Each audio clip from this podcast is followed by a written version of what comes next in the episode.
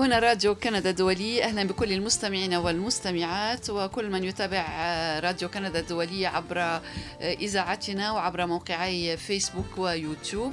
نرحب بكم في حلقة اليوم من برنامج بلا حدود الذي نقدمه كل يوم جمعة في الثانية وربع من بعد الظهر بتوقيت مدينة مونريال لكم أحلى التحيات من أسرة القسم العربي في راديو كندا الدولي تحياتي أنا مي أبو صعب وتحيات زملائي. فادي الهاروني وسمير بن جعفر. زبير جازي ونرحب معنا اليوم في الاستوديو بالناشط الكندي السوري الأستاذ يوسف طربوش مؤسس ورئيس مؤسسة التضامن والاستقبال وتوجيه المهاجرين. أستاذ يوسف طربوش أهلا وسهلا بك. ونرحب. معنا عبر الهاتف بالكاتبة والباحثة الكندية السورية السيدة عفراء جلبي. عفراء جلبي أهلا وسهلا بك. عفراء جلبي نأمل أن تكوني آه، على السمع هل تسمعينني؟ عفراء جلبي إذا معنا عبر الهاتف مشكلة تقنية صغيرة سنحلها بعد قليل. وطبعا نتناول الأوضاع في سوريا بعد مرور تسع سنوات ومع دخول الأزمة عامها العاشر. ولكن قبل الخوض في الأزمة السورية لابد من كلمة عن فيروس كورونا المستجد الذي يقلق العالم ويوسع انتشاره نعم. في أكثر من دولة حول العالم. هنا في كندا المزيد من الإجراءات في كل يوم تتخذها الحكومة الكندية آه، لمواجهة فيروس كورونا نعم الذي أضحى جائحة نعم نعم ويتوسع منظمة انتشاره. الصحة العالمية نعم منظمة نعم. الصحة العالمية قالت إنه جائحة وفي كندا يتوسع انتشار الفيروس نعم آه واليوم مقاطعة كيبيك حكومة كيبيك أعلنت إغلاق كافة المدارس والمعاهد والجامعات نعم. ودور الحضانة مدة أسبوعين بدءا من يوم الاثنين المقبل في إطار الإجراءات المتخذة للحد من انتشار الفيروس فيروس كورونا وفي مقاطعة أونتاريو أعلنت أمس الحكومة نعم. عن تمديد العطلة المدرسية عطلة منتصف السنة نعم. وهي عطلة كان من المقرر أن تدوم أسبوعا واحدا وهو الأسبوع المقبل فإذا تمديد هذه العطلة نعم. أسبوعين إضافيين نعم وطبعا في الأخبار أيضا البارزة في كندا أن رئيس الحكومة جوستين ترودو وضع نفسه في الحجر الصحي بعد أن وصلت زوجته من لندن العاصمة البريطانية وأحست بأعراض ولدى إجراء الفحص فحص الكشف عن فيروس كورونا. تبين أنها مصابة بال بالكوفيد بالكوفيد 19 وهو اسم المرض. و... نعم. ورئيس الحكومة هناك توضيح رئيس الحكومة وضع نفسه عزل نفسه إنه نعم. ليس في حجر صحي. نعم عزل آه، وقائي في المنزل. ولم يتم فحصه لحد الآن لأنه ليس عليه أعراض. نعم. لأن حسب الأطباء أو الأخصائيين يجب أن تكون هناك أعراض حتى ي... ي... ي... نعم. حتى نقوم بال... بالفحص بإجراء الاختبار وقد أجرى اليوم ندوة صحفية حول الموضوع حول نعم.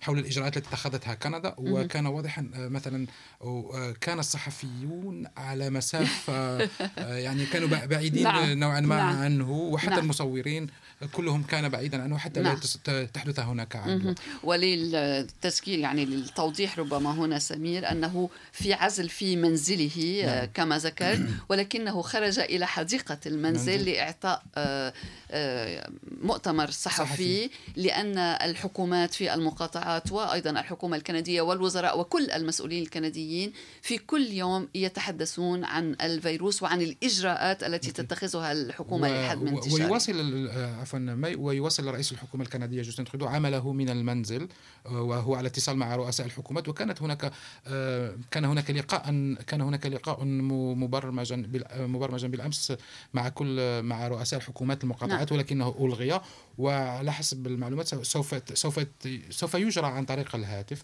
وهنا في كيباك وهنا في كيباك في في نفس المجال لوحظ نوع من من الازدحام حول حول المواد الغذائية وفي في في المتاجر نعم. وقد أكد اليوم رئيس الحكومة رئيس رئيس حكومة كيباك أنه لن يكون هناك أي, أي أزمة نعم. أو نقص وطلب من الناس أن يكون يعني يكون أن يكونوا عقلانيين في نعم. في شيء في مشترياتهم نعم. نعم لكن هذه الأمور نشهدها في أكثر من دولة يتهافت الناس على شراء المواد بكثرة يعني في هذه الحالات والهدف عفوا من الحكومة تهدف إلى أن لن تكون هناك عدوى لأن المشكل ماذا سوف يحدث لو تكون هناك عدو عدوى شاملة هو أنه النظام الصحي لن لن يمكنه مواجهة نعم. كل هذه أعداد كبيرة أعداد كبيرة لذلك فهدفهم هو أن أن يكون أقل عدد من المرضى ممكن حتى لا تكون هناك أزمة صحية ممكن أن تكون أكثر خطورة. سوفي غريغوار زوجة رئيس الحكومة كتبت تشكر كل الذين اتصلوا بها وسألوا عن حالها وقالت إن ما تمر به هي بسيط جدا بال مقارنة يعني؟ بالمقارنة مع ما يعانيه تعانيه العديد من الأسر الكندية خصوصا الأسر التي لديها الكثير من المرضى. نراها هنا على الشاشة وهي تتحدث. هذا طبعا قبل أن تدخل في العزل الصحي. وكما ذكرت سمير رئيس الحكومة في حالة صحية جيدة ولكنه آثر أن يبقى في العزل نعم. الصحي. وطبعا يعني الأمور مستمرة وسنواصل متابعتها نعم. آه، نعود. موضوعنا. نعم. بالطبع نعود إلى موضوعنا الرئيسي. merci beaucoup Pierre de toutes ces images on a le premier ministre et son épouse Sophie Grégoire merci Pierre نعود إلى موضوعنا الرئيسي. وإلى الأزمة والمعاناة الإنسانية بصورة خاصة في سوريا بعد تسع سنوات من الحرب. طبعا ألحقت الدمار والخراب في أنحاء عديدة من البلاد. أوقعت نحو من 400 ألف قتيل. وشردت شردت نصف الشعب السوري إن نعم. داخل الوطن أو خارجه نعم. هذا إضافة إلى الأضرار الفادحة في البنى التحتية في نعم. الممتلكات العامة والخاصة نعم والأضرار التي لحقت بالاقتصاد السوري وطبعا الأزمة هذه ما زالت تتفاقم والأنظار حاليا نحو إدلب حيث المعارك تدور وأزمة النازحين تفاقمت أيضا نعم. مع نزوح نحو من مليون شخص نعم. من المنطقة هذه المرة يعني الحالة مستمرة نرحب مجددا بالسيدة عفراء جلبي وبالأستاذ يوسف طربوش. أستاذ يوسف طربوش أستهل معك من هنا من الاستوديو تقييم عام للوضع طبعا باختصار لأن التقييم يستمر وقتا طويلا بعد تسع سنوات على الأزمة والحرب في سوريا. يعني بداية الحراك في سوريا جاء بعد حراك ما سمي بالربيع العربي في تونس والعديد من الدول الأخرى. لا شك آه، سوريا مثلها مثل باقي شعوب المنطقة تعاني من أزمات اقتصادية واجتماعية وضعف في الديمقراطية.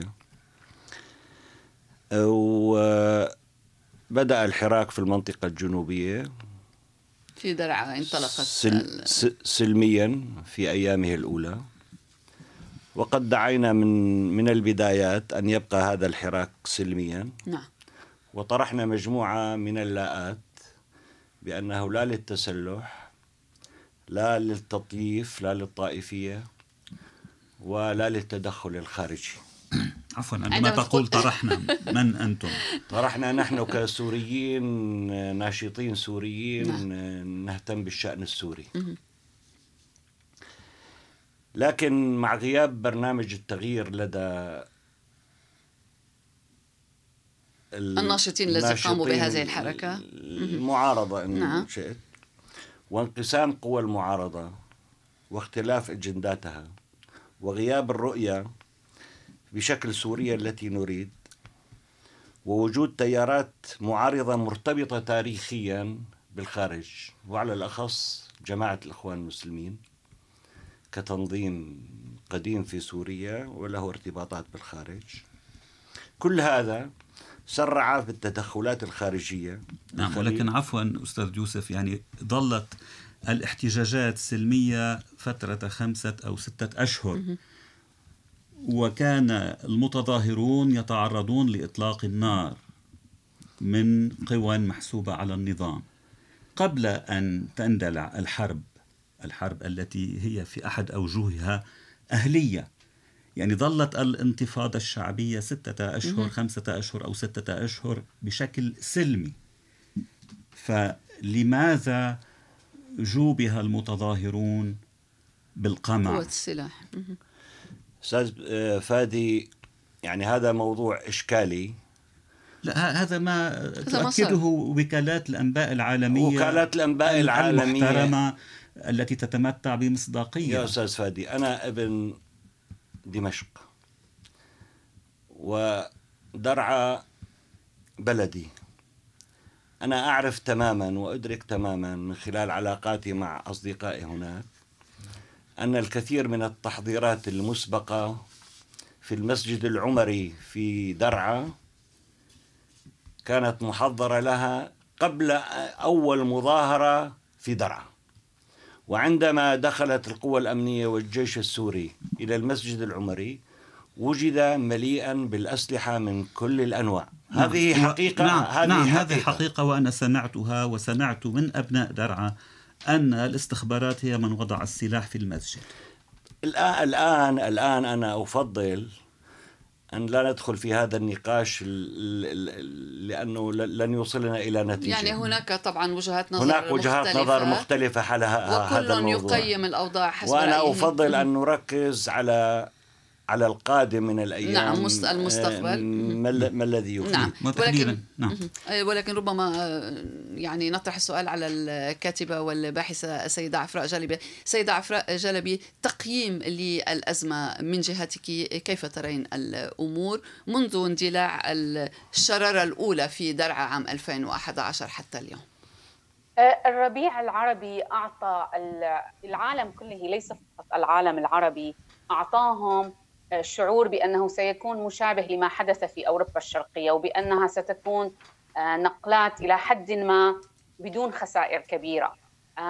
وإلى حد ما حصل هذا في تونس، يجب أن نتذكر أن الشعب السوري رغم آلامه الشديدة ووقوعه تحت حصار أمني لتقريبا نصف قرن لم يتحرك، وحتى أن كثير من الصحفيين كان لقب سوريا مملكة الصمت، واستغرب كثير من الصحفيين والمحللين السياسيين أن سوريا لا تتحرك في البداية لأن آه، تونس تحركت. تحركت. ما حدث فعلا هو أن الشعب السوري عندما سقط على العابدين وسقط مبارك وبعدها جاء الناتو ساعد الشعب الليبي عندما بدأ القذافي في قصفه واليمن كانت تحركت. عندها شعر الشعب السوري بأن هناك إرادة دولية لدعم التحركات بإسقاط الأنظمة المستبدة. هذا كان الخطأ الشنيع عند السوريين أنهم آه، اعتمدوا ووثقوا بإرادة المجتمع الدولي. وفعلا كانت كما ذكر الأخ فادي هنا الأستاذ فادي أنه كان هناك يعني إرادة قوية رغم غياب الشعب السوري عن الحركات المدنية وعن التحركات الديمقراطية. كان هناك التزام كبير بنسبة عالية بالتحرك السلمي. ونعرف أن الاستخبارات كانت تستفز الشعب لأنها كانت تريد مواجهة مسلحة لأن النظام السوري نظام عسكري وأمني. وللأسف تحولت الأمور إلى مجرى آخر كليا. وأنا أشبه عادة ما حدث في سوريا بالحرب الإسبانية الأهلية لأنها بدأت بشكل محق وكانت تريد تعزيز قيم الديمقراطية ولكنها لاحقا تحولت إلى حرب أهلية وجذبت الكثير من الشباب الغربي حتى من بينهم الأمريكان ومنهم أرنست هيمنغوي الذي ذهب إلى إسبانيا. هذا ما حدث أيضا لما يعني في سوريا أنه اجتذب الكثير من المقاتلين من من أنحاء العالم، ليس فقط آه، لصفوف المعارضة ولكن حتى النظام قام بهذا.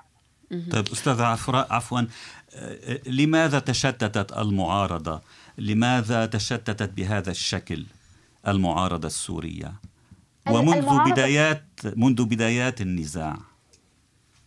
آه، أنا أعتبر أن هناك عناصر داخلية وعناصر خارجية، العناصر الداخلية ان أن الشعب السوري لم يكن على تأهب كامل للتحرك السياسي لأنه كان مغيب عن العمل المدني والمجتمع الأهلي والعمل السياسي لأكثر من نصف قرن. أنا برأيي أن طريقة آه، تنظيم التنسيقيات على على أرض الواقع كما حدث في في كما بدأت في دمشق وبدأت تنتشر بشكل واسع والمجالس المدنية التي بدأت تنتشر في الأراضي السورية أنا برأيي كانت يعني سابقة آه، لوضعية الناس يعني بالنسبة للثقافة السياسية أثبتوا قدرة هائلة على على إقامة انتخابات محلية وقاموا بإدارة مجالس محلية وكثير من المناطق حاولوا حتى إدارة النزاع آه، العسكري بإدارة مدنية كما حدث مثلا في داريا التي أبقت على قيادة مدنية. الإشكالية أن هناك أيضا يعني تحديات خارجية لم يكن هناك إرادة دولية فعلا لدعم المعارضة السورية.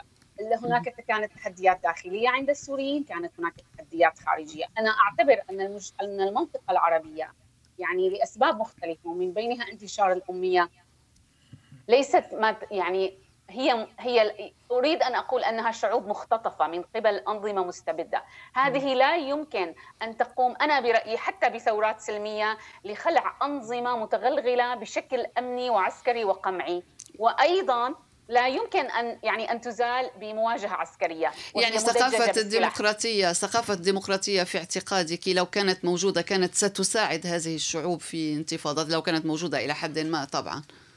أنا أقول أنه طبعا أن على جهة الشعب كان هذا سيساعد كثيرا ولكن بالمقابل لو أن الأنظمة المستبدة كانت تترك هامشا صغيرا للتحرك المدني والسياسي كانت ستنقذ نفسها أيضا. ما حدث في سوريا ليس انتصار للنظام حاليا. ما حدث هو دمار هائل لكل الأطراف. نصف الشعب مهجر والنظام السوري فقد أيضا مقومات بقائه. هو الآن مقوماته باقية على تدخل خارجي على على دعم روسي إيراني في اللحظة التي يفقد فيها صلاحيته سوف يعني ينهى هذا النظام لأنه مقوماته لا تعتمد على شرعيته مع شعبه ومع ناسه وإنما تعتمد على دعم عسكري خارجي وقصف للمدنيين من قبل قوة خارجية لمدنيه ولشعبه.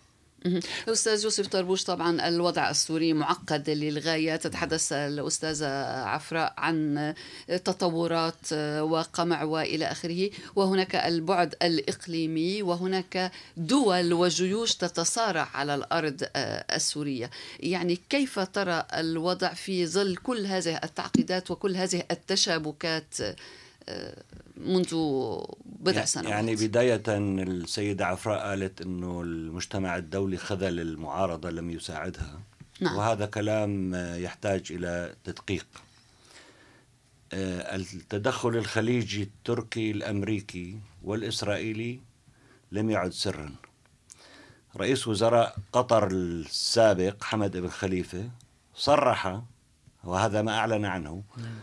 أن المساعدات الخارجية للمعارضة السورية بلغت قيمتها 38 مليار دولار. هذا ليس سرا. هذا ما أعلن فيه وكان هو يقود هذه العملية. عفوا أستاذ ما هو وماذا عن التدخل الإيراني الروسي الذي رجح كافة النظام؟ تحدثتم عن التدخل الخليجي التركي لكن هناك تدخل أجنبي آه جعل من سوريا نعم. تشبه نعم. دولة تحت تحت قيادة هذه القوى الأجنبية. نعم. في عام 2014 ولد سيطرة داعش على الرقة ومناطق أخرى في سوريا وسيطرت جبهة النصرة على أجزاء أخرى من سوريا. تشكلت مراكز قوة في سوريا. جهة تدعمها السعودية وجهة أخرى تدعمها قطر وجهة أخرى تدعمها تركيا. وإسرائيل واضح كانت تستقبل الجرحى والمصابين في المشافي الإسرائيلية. هذا ليس سرا.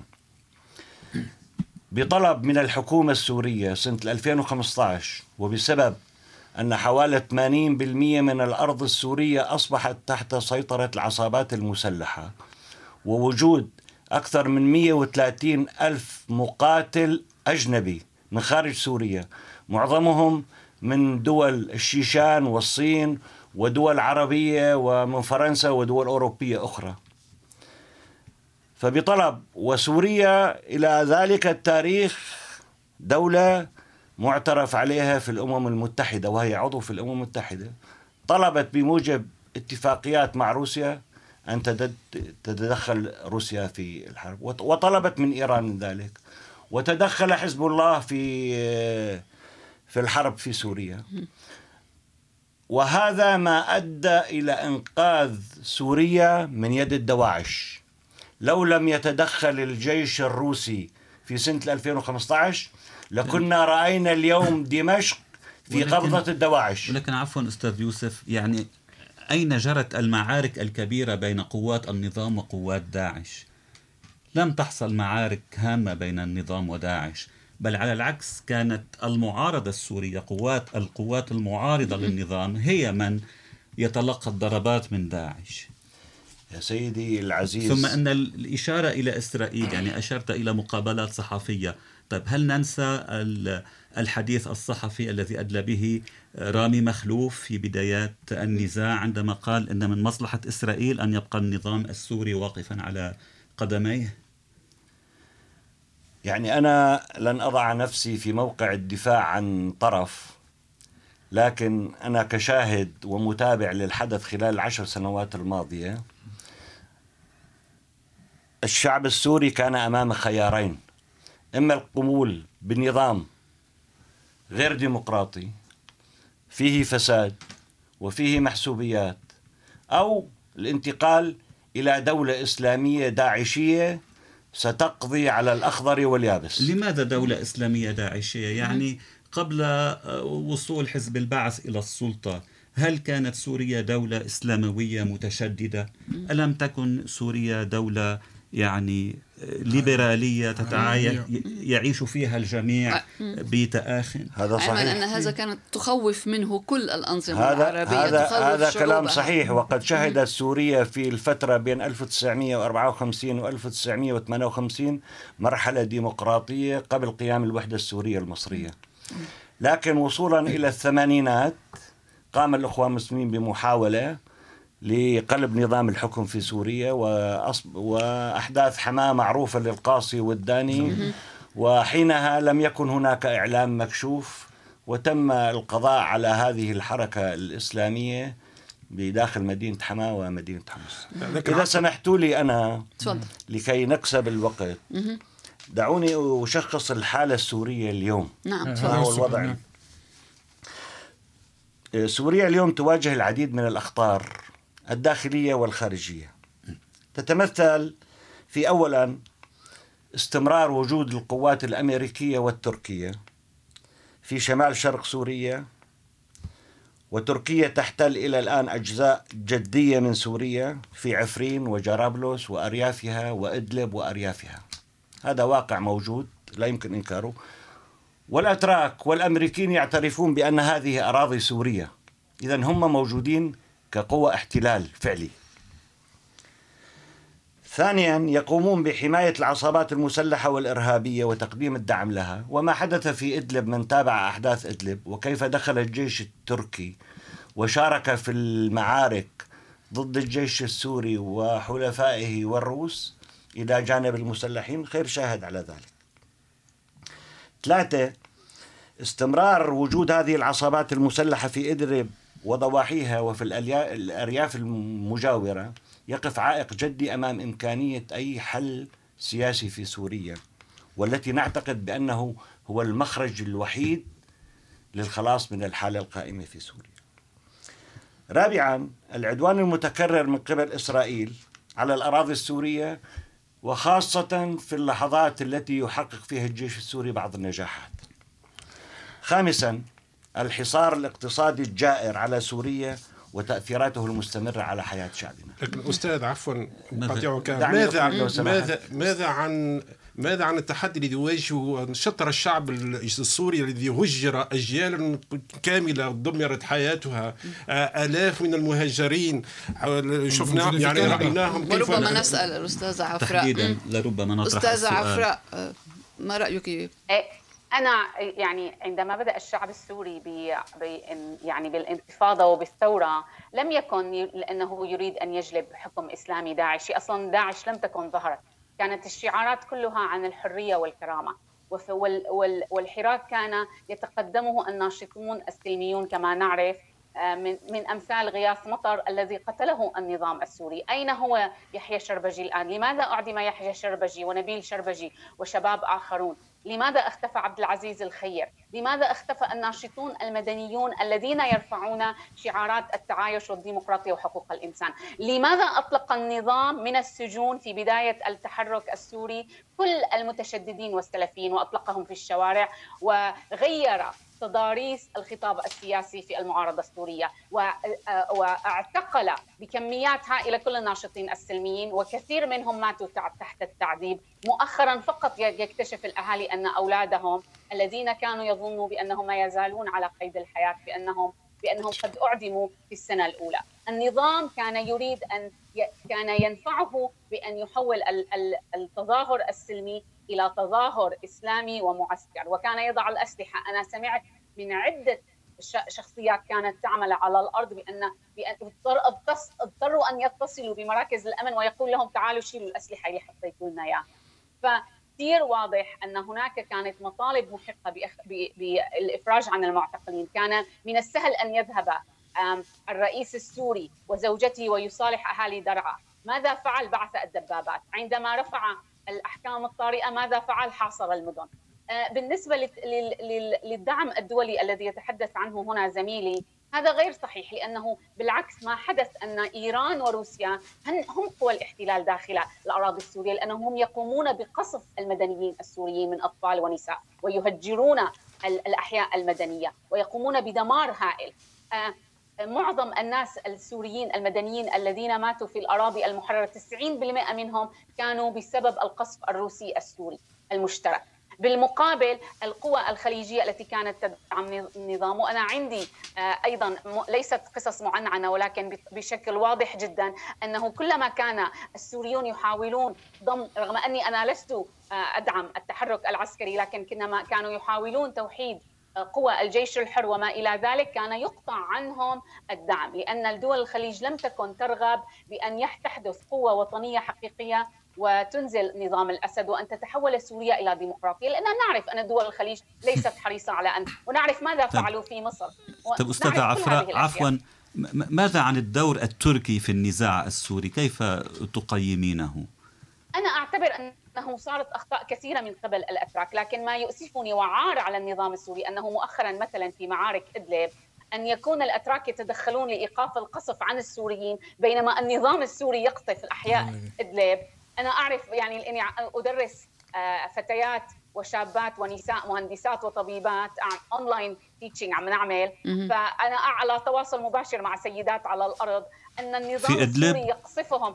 في إدلب وفي كفر تخاريم وفي إعزاز. والدموع تنزل. أنا في أحد يعني أنا استغربت من إصرار البنات كنا نريد أن نلغي حتى الدرس كانوا على الهواتف قبل أن ينطلقوا مهاجرين كانوا يريدون حضور الدرس. لانهم كانوا يقولون يخرجنا من جو القصف والرعب.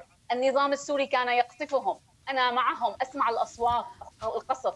والأتراك يحاولون منع النظام السوري من قصف شعبه. هذا عار أنا أعتبره. فيعني الوصاية حاليا يعني الوصاية التي تأخذ شبه احتلال للمدنيين كانت أفضل لشمال سوريا من القصف السوري الروسي. للأسف.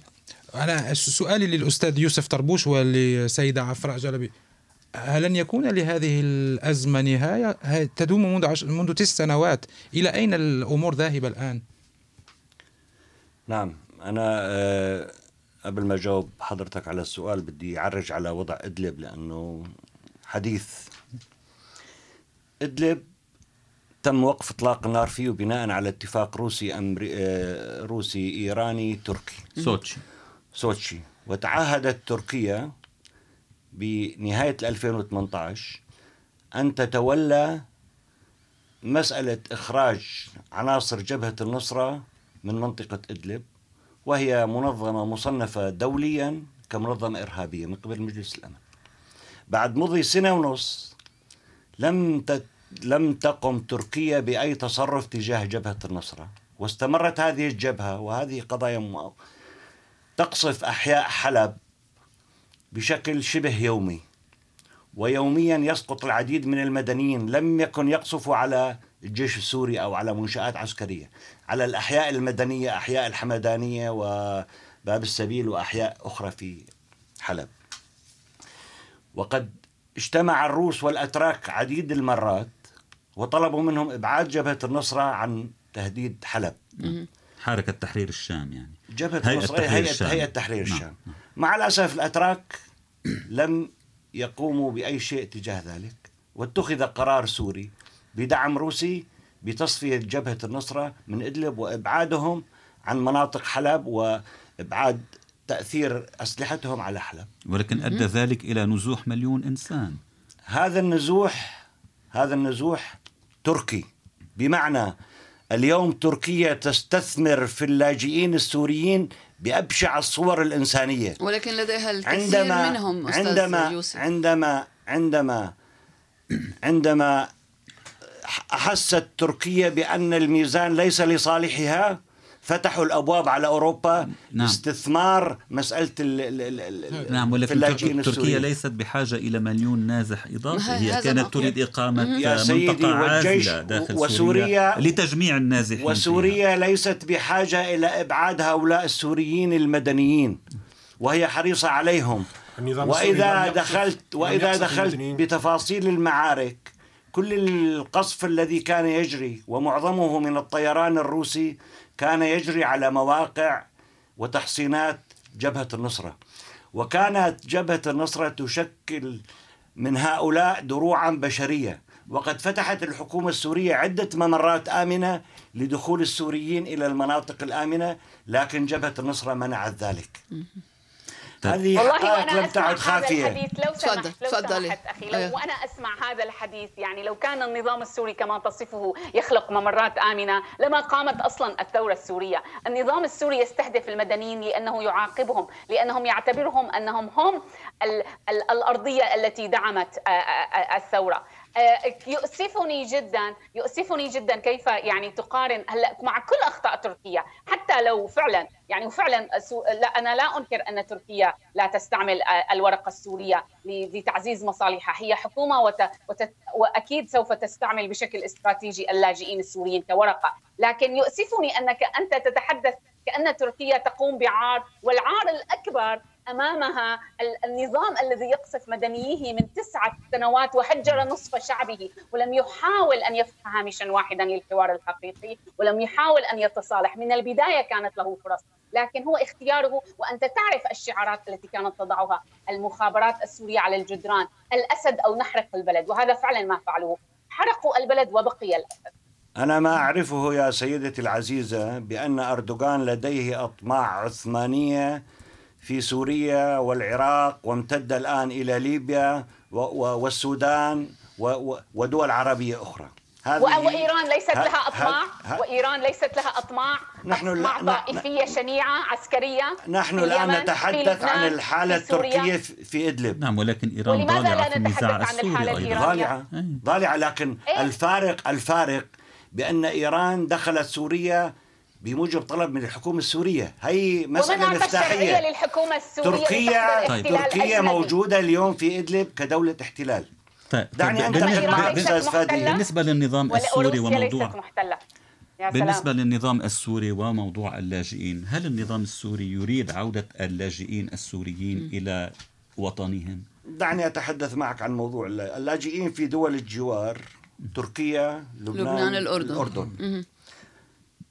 واللاجئين في دول أخرى مثل مصر والمغرب العربي واللاجئين في دول أوروبا, أوروبا. وكندا, وكندا. وأمريكا هذا التصنيف في تركيا يوجد حوالي الأرقام الحقيقية حوالي مليونين وأربعمائة ألف لاجئ سوري هناك من يتحدث عن أكثر. ثلاثة ملايين أكثر. هناك من يتحدث عن ثلاثة ملايين على أي أنا, مصادري هي هذه نعم. هي المصادر لبنان فيه حوالي مليون ومئتين ألف وأيضا لاجئ. هناك من يتحدث عن. مليونين في لبنان نعم.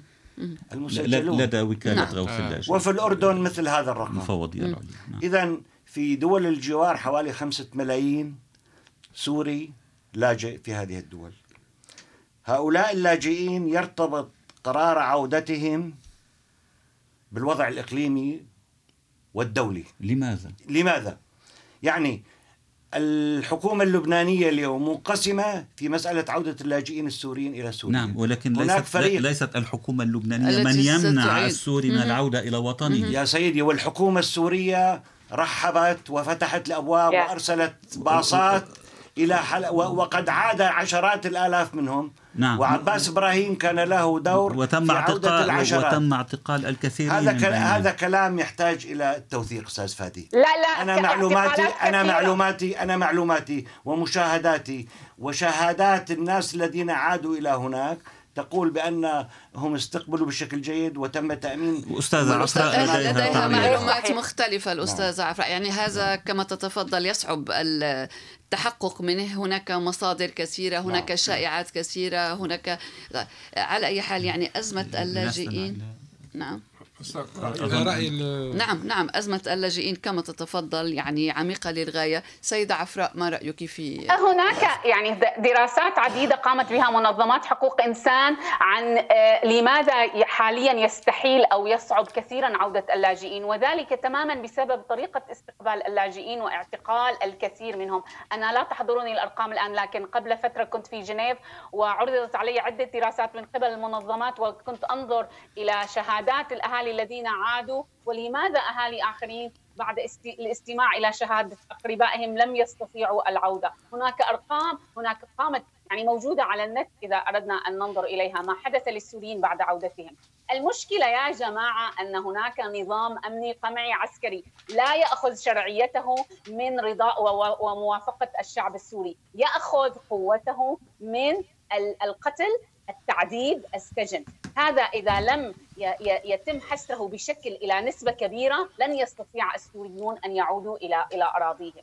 يجب أن يكون هناك حل آه، إل- إلى حد ما أن يتم آه، تأمين تأمين الأمان للشعب السوري حتى يستطيع العودة. ولن يمكن أن يتم تحت الظروف الحالية التي لا تأبه لحقوق الإنسان ولا تأبه بأدنى معايير آه، ال- المعايير الموضوعة في في يعني وثائق حقوق الإنسان. فيما تبقى لدينا من وقت بضع دقائق أود أن أسمعكما. كيف تستشرفون المستقبل؟ إلى أي مدى أنتم متفائلون متشائمون؟ أستاذ يوسف وأستاذة عفراء بعد ذلك. يعني تفضل. أعتقد بعد عشر سنوات من الحرب في سوريا وعلى سوريا آه، رهان الحسم العسكري من قبل اي من الأطراف هو رهان خاسر.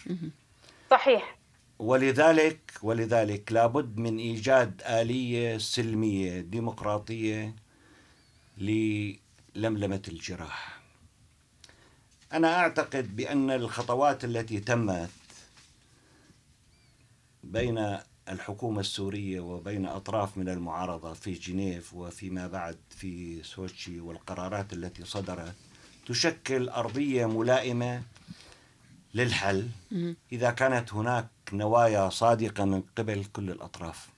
يجب أن ننتهي من مسألة لا حوار مع النظام.